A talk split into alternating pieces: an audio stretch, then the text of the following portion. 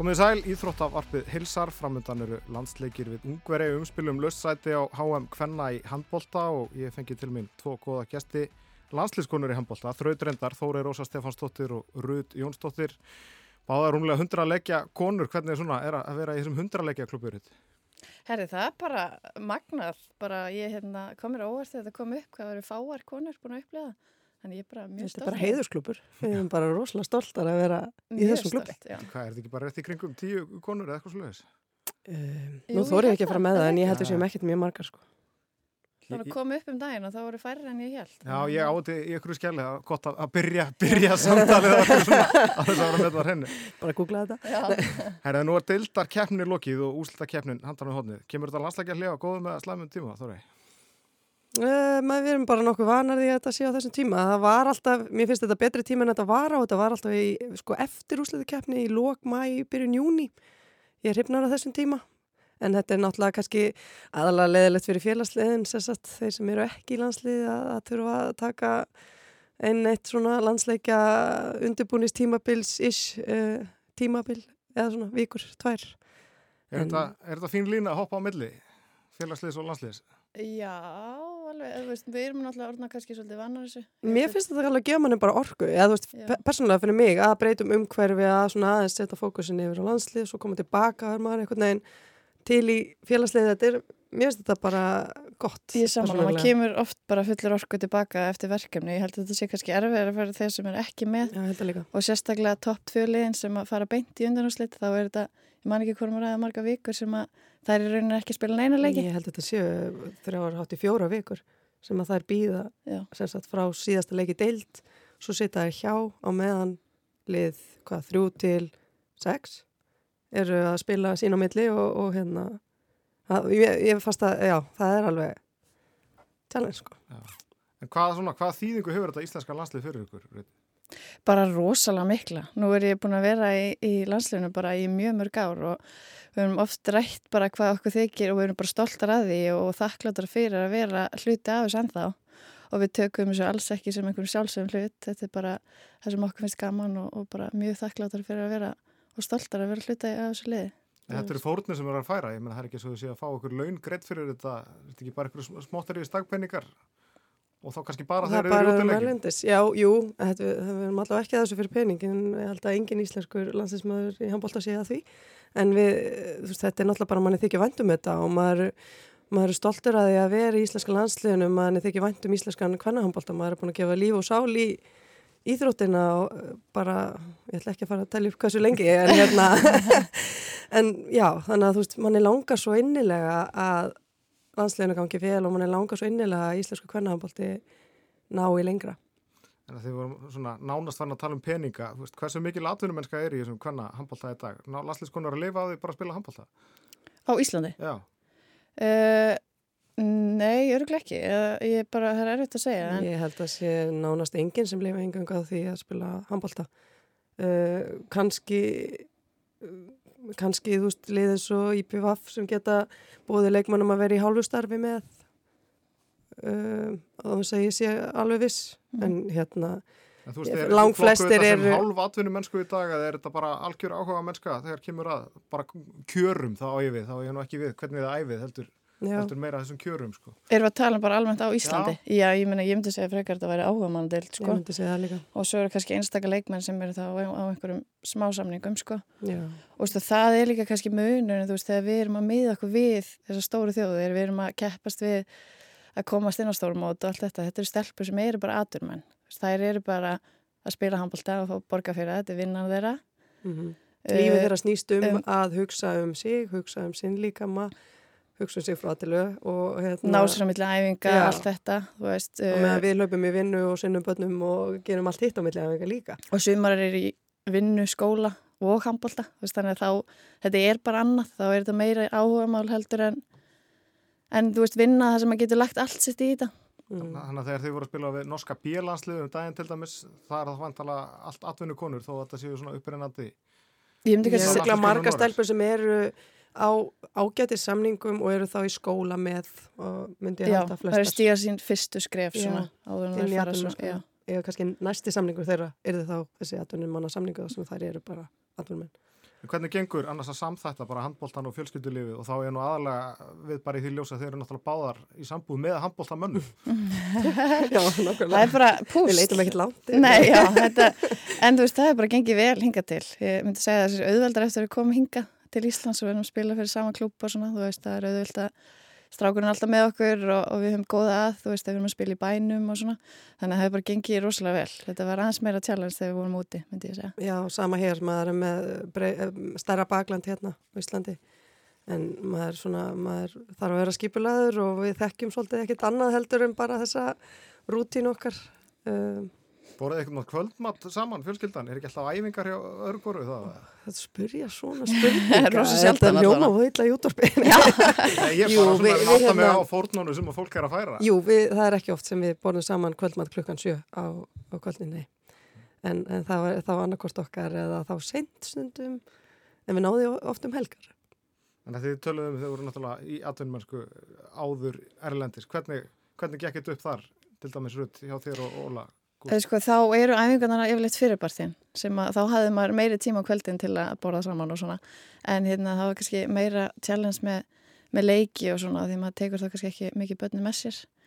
Það var eitthvað svona aðal. Og en, lengri ferðalega oft í leiki. Já, Allavega, já þú náttúrulega byrjaði þannig fyrir norða núna en, Já, en, en þú veist þá var maður kannski að fara í þrjá daga fyrir eitt leik já. og ferðast aðra hverja helgi og, og hérna til útlanda og stundum fleiri og kannski bæði einu bæði einu, þannig að þá vorum við líka bara heppin með, með fólki kringum okkur, mikið, mikið að koma út og, aðstofa okkur. En, en hér er þetta svolítið meira svona að maður tekur, veist, bara tekur þau með, veist, það er kannski ekki alveg eins í bóði. En maður, sko í þessu, maður reyðir sig mikið á fólki í kringu sig, það er það mikið róskiliði fyrir að aðstofa mann. En ég mann þórið þegar þú og Einar Ingi Hrafsson maður að þeim voruð í atvinnumörsku úti þetta var átt heilmikið púst líka að finna lið þegar þú voru að skipta um lið þannig að þið getur verið á sama stað og... Já, við ákvæmum svolítið að reyna að fyrst við fluttum út saman að vera saman úti ekki að vera í sikkur landinu. Það var svolítið svona okkar bara leið sem við svolítið ákvæmum að taka. Og það endaði oftast með því að við fundum lið svona nokkunni í nálat hvort öðru og annarkvort okkar var það á keirandi Og hvað, tvo-þrá tíma á æfingar? Lengsta sem það var, það voru tveir tímar uh, á meðan ég spilaði sérst hálft ári í Þískalandi uh, árið 2012-13 já, árið 2013, byrjun ást 2013 þá hérna, spilaði ég í Oldenburg í Þískalandi og byggum í Nortón í Þískalandi og það voru tveir tímar þar á milli Þetta var fyrir tíma allra hljóðboka og hlaðvarpa þannig að þú já, bara verið að hlusta Já, á... ég hef með talað um það. Ég, ég náði að hlaða niður ykkur svona inn á ykkur hérna kassettu spilara sem ég gæti svo stungið í útvarpið í fylnum Þetta hljómar ríkulega en já, þannig að það maður var ekki ringjandi bara heim til Íslands í eitthvað spjall þú veist, maður nýtti ekki tíman í það eins og ég gerði þegar ég var í Noregi að keira þá gæti það nýtt tíman í alls konar en þarna var bara reynda að laða niður ykkur eða ég áttu ymmit, ég á ymmit fullt af geisladiskum með hljóðbúkum en ég gisti þá kannski tvær nætur í viku já. hjá já, þískri konu okay. og restina kerði ég En svona með reynsluna af sagt, þessum deildum erlendis og svo núna ólísteldinni, hvernig, kannski stýttra rauð síðan þú komst heim, hvernig fyrstu styrklegin vera á þessari ólísteld? Uh, ég held að svona hérna alveg reynskilin þá mikill munur á deildum en ég held að deildin núna sé bara nokkuð sterk með að við, ég var allavega hýrt með hvað núna hefur verið fyrir nokkrum árum, þú veist allavega því komaðum tilbaka fyrir hvað, þre, þrejum árum að þá var mikið talað um að vera rosalega sterk uh, en það er rosalega mikill munur En hafður eitthvað samanbörð, hvað varstu gömur þú varst að spila í deldinni síðast til áðunum fórst út, varst ekki bara 16 ára eða eitthvað? Jú, 17 ára og ég flytti út þannig að verða 18, þannig að það var, ég, það var erfitt fyrir mig, ég myndi svo sem ekkit mikið, það er öðris að vera svona ungar að spila og, og hérna, og svo koma aftur, en mér er mjög gaman að koma heima og spila og upplega aftur að vera hérna heima. Mér finnst líka hlutaðið að spila heima er að þú ert með einhvern veginn fólkið þitt í kringu þig, miklu meira heldur en úti nú vorum við saman og unnum hérna EHF Cup úti og það var ótrúlega gaman og því líka upplifun og gaman að fagna með fólkinni í Holstebro. En maður var ekki kannski að fagna með sínu nánastu fjölskyldu eða sínu fólki eitthvað neinn, sínu nánastu vinum og svona, það er öðruvísi, nú höfum við báðar upplegað að vera Íslandsmeistarar á síðust árum. Og það, veist, það að vera eitthvað neinn með allt sitt fólk í kring, það er svona kannski líka munur En svo ég gripi þetta lóttið, þau eruð Evrópumestarar einmitt, þau eruð mm. Evrópukefni félagsliða saman hérna í Danmörku. Hvernig var bara sá tími? Og að vera saman Íslandingar í, í erlendu liði? bara mjög aðstætt ásalegt. Þetta er rosa eftirminnileg ár. Já. á mínu ferli myndi ég segja. Það var ég þórið mjög góða vinkunar en það var bara rosalega gaman að upplifa það saman líka. Allt svona í, í kringu liði og svo var þetta náttúrulega bara greiðlega stórt að vinna. Og maður einhvern veginn áttaði sig kannski ekki alveg á því þá. Og svo líka hvernig við unnum. Við töpum fyrir leiknum með hvað, sex, sex markum og unnum svo með sjö úti í Mets. Tókum á, úr rútu niður frá Danmörku til Mets. Fyrir það sem þekk ekki Mets er náttúrulega bara eitt af þessum stórveldum í þessum hvenna handbólta. Já, Já, og það var, búið, það var sko sex, fullhöllir, ég held að 6.000 manns eða eitthvað og, og hérna, því lík stemning og búið að blása til sko bara sigur veistlu eftir leikina því að það er náttúrulega bjóst nánast engin, held ég ekki einu sinni við sjálfar við að við myndum ná þessu og hérna, þetta var það var partir út á leginu heim vægast og því lík móttaka við komum tilbaka og þetta var ótrúlega þetta var ótrúlega skemmtileg upplifun og öruglega eitt af því sem stendur upp á ferlinu Samála Svo stökkum við svona aðeins úr einu í annað. Við vorum að tala um styrklegan og ólistildina mm. svona, ég veit að það liggur fyrir ástingi HSI núna til að um að Íslandsmót hvernig að verði bara einni dild á næsta ári. Hvernig hugnast ykkur það ef að það er það veruleika Það er sko náði yfir höfuð Já sko ég hérna, ég væri alveg til í aðeins fleiri leið. Mér finnst áttalega rosalega lítið, ég væri til í kannski tíu leið allavega. Við vorum að ræða þetta í gerð, við vorum líka að tala um þess að sko, þreföldu umferð. Já. Hún er, þú veist, ég ætla ekki að segja ósangjöld, en hún skekkir alveg, getur haft áhrif að spila sérsagt að toppliðin, þú segir maður þessu tvö topplið að berjast og annar toppliði fær tvo heimalegja móti hinnu toppliðinu, eitt heimaleg. Einmitt að fara tvísvöldlegi eða tvísvara akkurýri, þetta er alveg þetta Já, er kannski sérstaklega mitt fyrir ykkur sem er að spila á akkurýri og síðan vestmannegar þetta er svona kannski alveg Já, við einmitt fórum tvísvöldlegi hérna í deildinu og svo lendum við mótið með byggja líka hann er þetta er alveg kostnaður, kostnaður mikið ferðalag og, og svo hérna finnst mér líka bara ég, ég held við séum saman báða samanlega okkur finnst að það eigi að vera deilt fyrir neðan og sé þetta falla og komast upp og svona. Og líka bara fyrir kannski minni klúpa að koma inn í segja, minni deild og nú þekk ég ekki kostnaðar tölur í kringum að halda upp í liði deild en mér skilst að það sé lagra í eins og grillinu heldur mm -hmm. en ólisteildinni, meiri kröfur að við séum ekki að loka, þú veist, hafa bara eina ólisteild og loka á hérna klúpana En svo finnst mér líka bara mikilvægt að sé aðeins svigurum í sumum leikjum vegna þess að við, þú veist, eftir ég kom að þá svo lítið svigurum fyrir marga leikmann að spila, að því að allir leikir voru svo rosalega mikilvægir og, og sem er náttúrulega líka gott og það er gott fyrir handbóltana að þetta séu mikilvægir og spennandi leikir en það var einhvern veginn svo margi leikmenn sem fá þá aldrei mínútur og mér finnst mm. það líka mikilvægt að það séu fleiri leikmenn sem fá að að spila og hérna... spila þá í ulluðum eða grilldeldi já bæði en líka að fá mínútur. maður heyrði nú líka um tíma leikmenn sem voru hjá ykkur þóriði mm. fram sem maður heyrði að vildu ekki fara á láni í önnu liða því að það töldi sér að fá meir út úr því bara að vera með þér á steinunni og Karen á æfingum en við vorum alltaf með stert ulli líka sem var bara í toppnum í grilldeldinni og það held ég hafi líka hjálpað til að haldi í þær eða þú veist, haldið í þær. Já, það fáður alltaf spilmínir, sko. það er náttúrulega ekki öllu með utdelt, það er náttúrulega líka rosalega sneið, sko. Mér finnst líka þetta með að það sé bara einn deild, þá ertu rauninni að keppa því að vinna deildina, eða þú veist, ef við lítum á gullrættunar sem þú ert að keppa, þú ert að keppa því að vinna deildina, kannski að keppa með ykkur Evropasæti eða að komast í úslutakeppni náttúrulega, en þú veist, fyrir þeir sem er í neðlutunum, þá er bara keppast að því að ná góðum úslitum, eða þú veist, ekki með þessa fallættu, ekki með þessa umspils, eh, hvað heitir hérna Uh, jú, umspilskeppni hérna, um fall, forðast fallega svo lesa já, já, þú veist það, ertu með svona einhvern veginn já, ég held að það sé mikið á þetta að hafa þessar gullurættur, eins og ég vil kalla báðum mendum Það er þessi leikir framöndan hjá landsleginn núna við Ungverja. Hvernig bara svona eru möguleikanir mótið Ungverjum? Lið sem hefur verið á, eða bara öllu stórmótið síðust aðar Já, og við, fyrirfram eru það er náttúrulega taldar mun sterkari.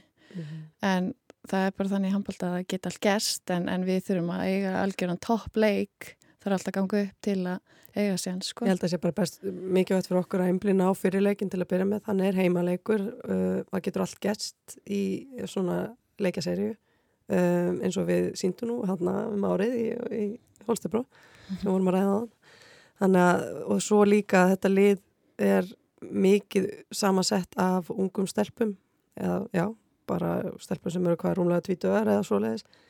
Uh, þær eruðu heimsmeistarar fyrir hvað, tveimur árum í úleikalagsleginu um, mér finnst sko lið og ung lið get oft verið brótættari heldur en þeir sem eru kannski reynslu meiri og hafa kannski farið í gegnum fleiri svona serjur hann að þú veist en eins og ég tek undir mér út, þær eru mjög sigurstránglæri, þetta eru þvílið flottir hamb flottar handbóldakorun sem við frá að mæta hérna og, hérna, og eins og segjum atvinnumenn. Uh, á meðan það eru fáir atvinnumenn í okkar leiði En setið markmiðin upp þannig eins og Þórið talar um að, að bara þið einblýnir fyrst á fyrirleikin og svo bara mitiði stuðan eftir hann frekar heldur en að vera að setja eitthvað heildar markmið fyrir leikina tvo. Já, ég myndi segja það, við erum svolítið að reyna að vinna með að hérna, vera bara í núni og, og taka mm -hmm. eitt leiki einu og, og svo bara sjáu hvernig staðan er En þegar erum einu leik frá stórmóti núna eða bara núna nokkur ári röð er þetta tímaspusmál hvenar Ísland fer aftur á stórmóti, þið fórum náttúrulega hérna 2010, 11 og 12, svo ekki síðan. Já, þegar þú lendir í að detta út af stórmótunum þá er, er leiðin erfið inn á þau aftur. Við lendum eins og segir árættur ári því að við samt gott komast í þannan leik. Það, það, við þurfum að, að skila góðu verki fram eða þú veist komast í gegnum nokkar leiki til þess að komast í þennan leik okkur hefur undanfæri tekist það sem er bara flott.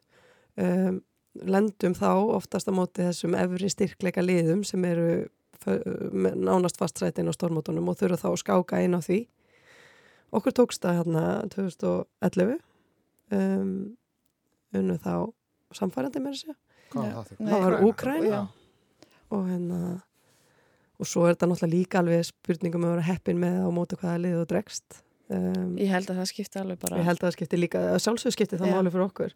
Maður getur verið heppin með að fá þá aðeins slakara lið það sem mhm. er stærri möguleikar Við vorum ekki eitthvað fárálega hefna núna sko. En, en, en þetta er svolítið skrítið að það eru erfiðari leiðin á HM en þar eru meiri möguleiki að því að vinna fleiri leiki meðan það er kannski öðvöldar að komast inn á EM en þar ertu bara í erfiðuleiki Já, það er það. Uh, Já, ég er svo sem kann ekki skýringar á því að þetta sett upp svona eða þannig en hérna HM er svolítið svona nú hafandi prófand bæði mótin þá er HM sko hendar það okkur betur og er skemmtilega mót fyrir kannski minniliðina því að þá áttu meiri möguleika á að vinna fleiri leiki verða heppin með að lenda móti kannski slakari liðum og slíkt og komast lengra.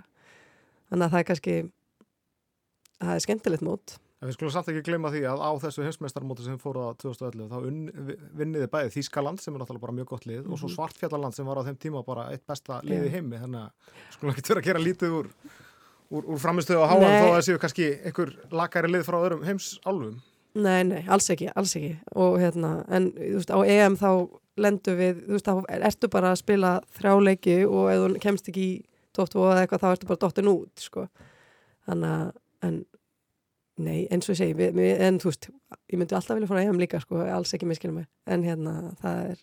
Það er bara öðris upplifun, þú veist, þegar við getum borðið þetta saman, að Já. vera það sem að eru fleiri leikir, að EM var þetta vika og þá maður bara, og svo fórum við heim, mm -hmm. hitt var einhvern veginn svona fleiri leikir og áttum meiri möguleika og svo náttúrulega bara spiluðu við líka, eins og þú segir, Vinnum Þískaland og, og Svartfjalland sem var náttúrulega stórkastlega og svo kannski spilar inn í bara upplifuninu fóru til Brasilíu og vorum á bara rosa skemmtilegu stað og þetta bara var bara í heild rosalega upplifun, bara allt í kringu það Hvernig eru þessar minningar emitt frá þessum mótum? Þú fórst á öll rödd, þú fórst Já. á 11 og 12 Já. og stekki hérna á fyrsta. Nei. Hvernig eru bara minningarnar frá þessum mótum? Sko það var, hérna maður vissi, þegar við fórum á fyrsta, vissi við eiginlega ekki alveg hvað við vorum að fara inn í og bara einhvern veginn, ég man að ég var alltaf líka mjög ung og hérna þetta var rosa stórt og svo vorum við bara að spila motið Noregi og Rúslandi og það voru bara stór töp Trefil og brjálaðan og hliðlinni og Rúslandi Já, veist, það var einhvern veginn og, og svo voru þetta bara búið, veist, það voru þrjí leikir og mikil skellur einhvern veginn fyrir okkur. Og svo þegar við fórum svo til Brasilíu ára eftir og það er einhvern veginn bara svona ég myndi segja að það er alveg örgulega bara mín uppáhalsminning sko ég myndi hérna með mm -hmm.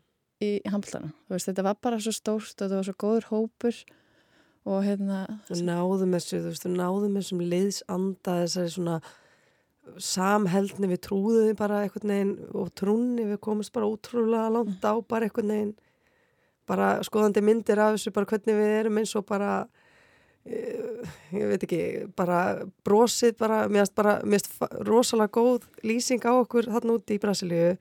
Að koma held í norskum fjölmjölum að eftir eitthvað leik okkar að því vorum við Nóri í riðli á því móti Jú, með, Jú.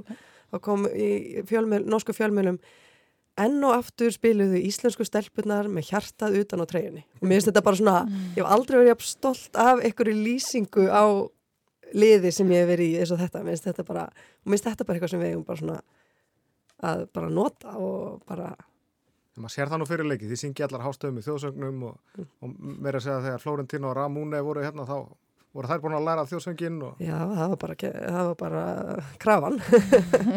Ég heyr að þú hefði verið með Ramune bara í æfingum að læra þjóðsöngin Við fórum aðeins yfir þetta, já.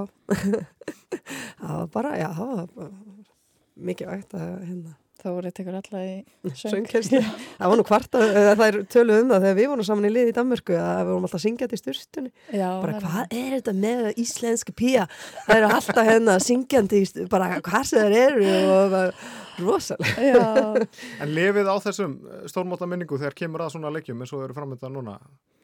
Já, ég myndi segja það, þetta er svona að því að maður hefur einhvern veginn, mér finnst þetta alltaf svona stóra markmiði mm Algjörlega. Og ég held að við höfum líka verið kannski, við erum oft, við erum vittnum mjög oft í þetta. Og fyrir þær sem að kannski hafa ekki upplöðið þetta, þær eru kannski, ég veit ekki hafa, Það eru ekkert margar eftir í þessu liði núna, nú er Karin náttúrulega í, í batningnarlefi, mm. hverjar eru fleiri í liðinu núna sem hafa farið á stólmátt? Er það ekki bara Sunna? Sunna, jú, jú, Sunna, Sunna fór, jú. Þetta er ekkert margar fleiri allavega?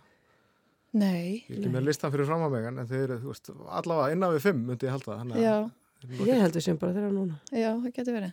Já, mann er hérna, ég væri bara svo til að þær myndi líka fá upplifa þetta og svo emmitt að þetta myndi bara verða það svona. Það gefur líka svo mikið, þú veist, þú sýnir það á stóra sviðinu, þá komast fleiri í, þú veist, þá, það er alls konar hérna, skátar og umbósmenn og svona sem horfa á þessa leiki og hafa þú svo samband, þá kemstu í auðveldari leið að komast í atvinnum mennsku og og bara vitandi þú veist þetta er það sem þú veist æfa fyrir þetta er það sem þú veist virkilega markmiðið að komast í og svona.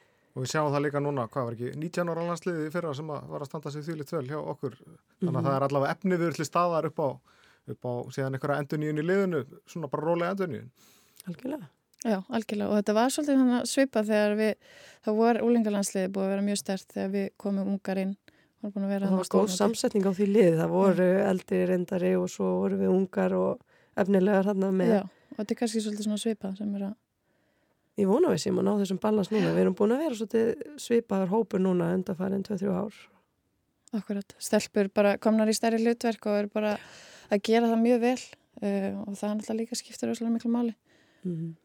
En maður sér að það er ykkur hjartansmál ég man bara eftir, ég veit ekki hvort ég megi segja það núna en, en hérna, þú, þú bara sparkar það í mig og eftir, en ég man bara eftir leikinu Serpa í fyrra úti í Serbíu þegar þið töpuðu og mistu það af mótinu að ég þurfti bara að stoppa viðtala því þú varst, varst bara alveg önguðinum að þetta hafi ekki gengið. Já, ummitt, ég man eftir því.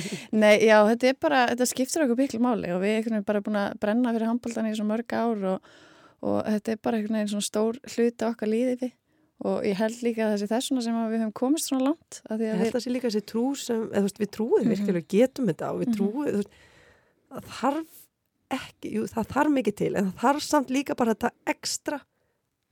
Já og ég held einhvern veginn, þú veist við vorum svo ótrúlega náldið síðast og, og það og bara var svo lítið sem vanda upp og mér, mér fannst þetta bara alveg okkar en það var rosalega svekkjandi að, hérna, að það gekk ekki. Já, andin var virkilega að við mm. værum að ná þessu. En hvernig ef við horfum bara aðeins lengra fram, þú þurfum náttúrulega að komast inn á HM núna, ef það gengur ekki þá er fjölgað á EM á næstaðari um mm. 8 þjóðir Er það svona stóra markmiði núna? Eða svona endamarkmiði eh, enda, endamarkmiði Já, svona langtíma Það hefur langtíma, já. Það hefur verið langtíma markmiði Við settum okkur þetta markmiði fyrir hvað, tveim, þreim árum? Já. Við settum svona langtíma markmiði að það væri 2024 uh, og mér finnst þið bara komnar ansi langt. Þú veist, við erum búin að taka bara uh, miklu framförum Já, bara og þétt og, og það er algjörlega bara stóra markmiði Þannig að ef að þetta klikkar núna að þá muniðu þá bara svekja ykkur og líta svo á að þetta sé bara leiður í undirbúningi fyrir næstu EM undan kefni sem er alltaf þand ykkur ennþá betur í. Já, við skulum segja það ef það klikkar eftir leikinu. Nú ætlum við bara virkilega að gefa að það vinna svo leiki. Já, við erum í núinu. en leikurinn að lögata ásvöllum eh, þó að lögartalsvöllin sé klár, er ásvöllur orðnir ykkar svona heimavöllur eða heimaví? Lýður ykkur vel þar? Ég Ég er svo sem alveg e- ekkert falið mínu skoðun hvorki við háið síðan aðra. Ég vil vera í lögatarsöld sko en hérna okkur hefur gengið vel á ásvöldum og, og, og okkur líður vel á ásvöldum og það er frábært hús svona. Uh, fyrir ég er samt þjóðar, þjóðarhöllin lögatarsöld en hérna það er bara, já.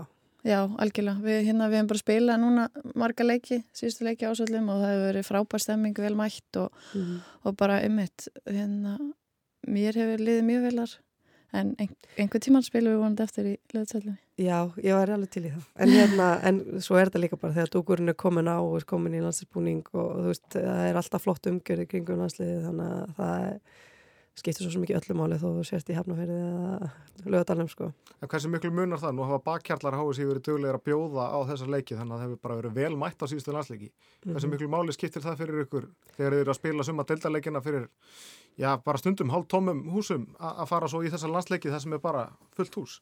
Já, skiptir bara greiðilega miklu máli og bara eins og segi, það gefur líka held ég yngri yfkandum bara byrjundu báða vangja að koma á landsleiki og sjá uh, hvað segja, bestu handbóltakonur landsins eitthvað kappi við kannski einar bestu handbóltakonur í heimi það bara, það gefur rosa mikið að koma, að koma í margt fólk Svo held ég að við séum eitthvað að sérsveitin ætla að fara með eitthvað nóp til, til ungverðarlands í útileikin. Hvaða þýðingu hefur svoleiðis fyrir? Já, ég sá það, það er bara frábært. Ég, hérna, þeir eru búin að vera bara eftir að koma inn alveg bara stórkosleg og hérna, þau eru alltaf búin að vera með því að skapa þessa stemmingu í mhm. kringum bæði landslegin, hvernig og kalla og, og það þetta hefur bara gríðilega mikla þýðingu fyrir okkur sem leikmenn sko. Algjörlega, þau eru stórt tróskili, þau rýfa líka bara allar aðra með sér og bara ótrúlega skemmtilegt að hafa þau hana. Þannig að ef að fyrirleikurum fer vel að þá mun svoleiði stöðningur skipta anþá meira máli upp á að geta sógið eitthvað úr stúkunni úti í Ungarlandi. Já og ég meina hérna Ungarlandi bara mikil handbólta þjóð og það er hérna alveg rosalega stemming alltaf hérna í Ungarlandi hvort sem það er í, delta, í deildalegjum eða, eða með landsleinu þannig að það er örgulega líka bara gaman fyrir þau að fara út og upplega svona stemmingu. Bara handbóltum páskana, er það okkur páskaegg eða hvernig? Fáum frí á páskadag, það er hérna daginn eftir leik, þannig að það er endurheimt og, og, og smá páskaegg, er það ekki planið? Jú, jú, jú. Og svo bara út til Ungarlands á annan í páskaum. Já, það er þannig, þannig að þetta er svolítið, páskandi fara svolítið í handbalta. Fyrirleikurinn á lögadaginn á ásöldum og þið vantalega hvetið fólk til þess að mæta? Já, klálega. Algjörlega, það er bara búið að vera... Það er fyllum ásvelli. Já, búið æsland er. Rúð Jónsdóttir og Þóru Rósa Stefansdóttir. Takk hjá það fyrir komuna í Íþróttavarpi. Takk sem að leiðis. Takk sem að leiðis.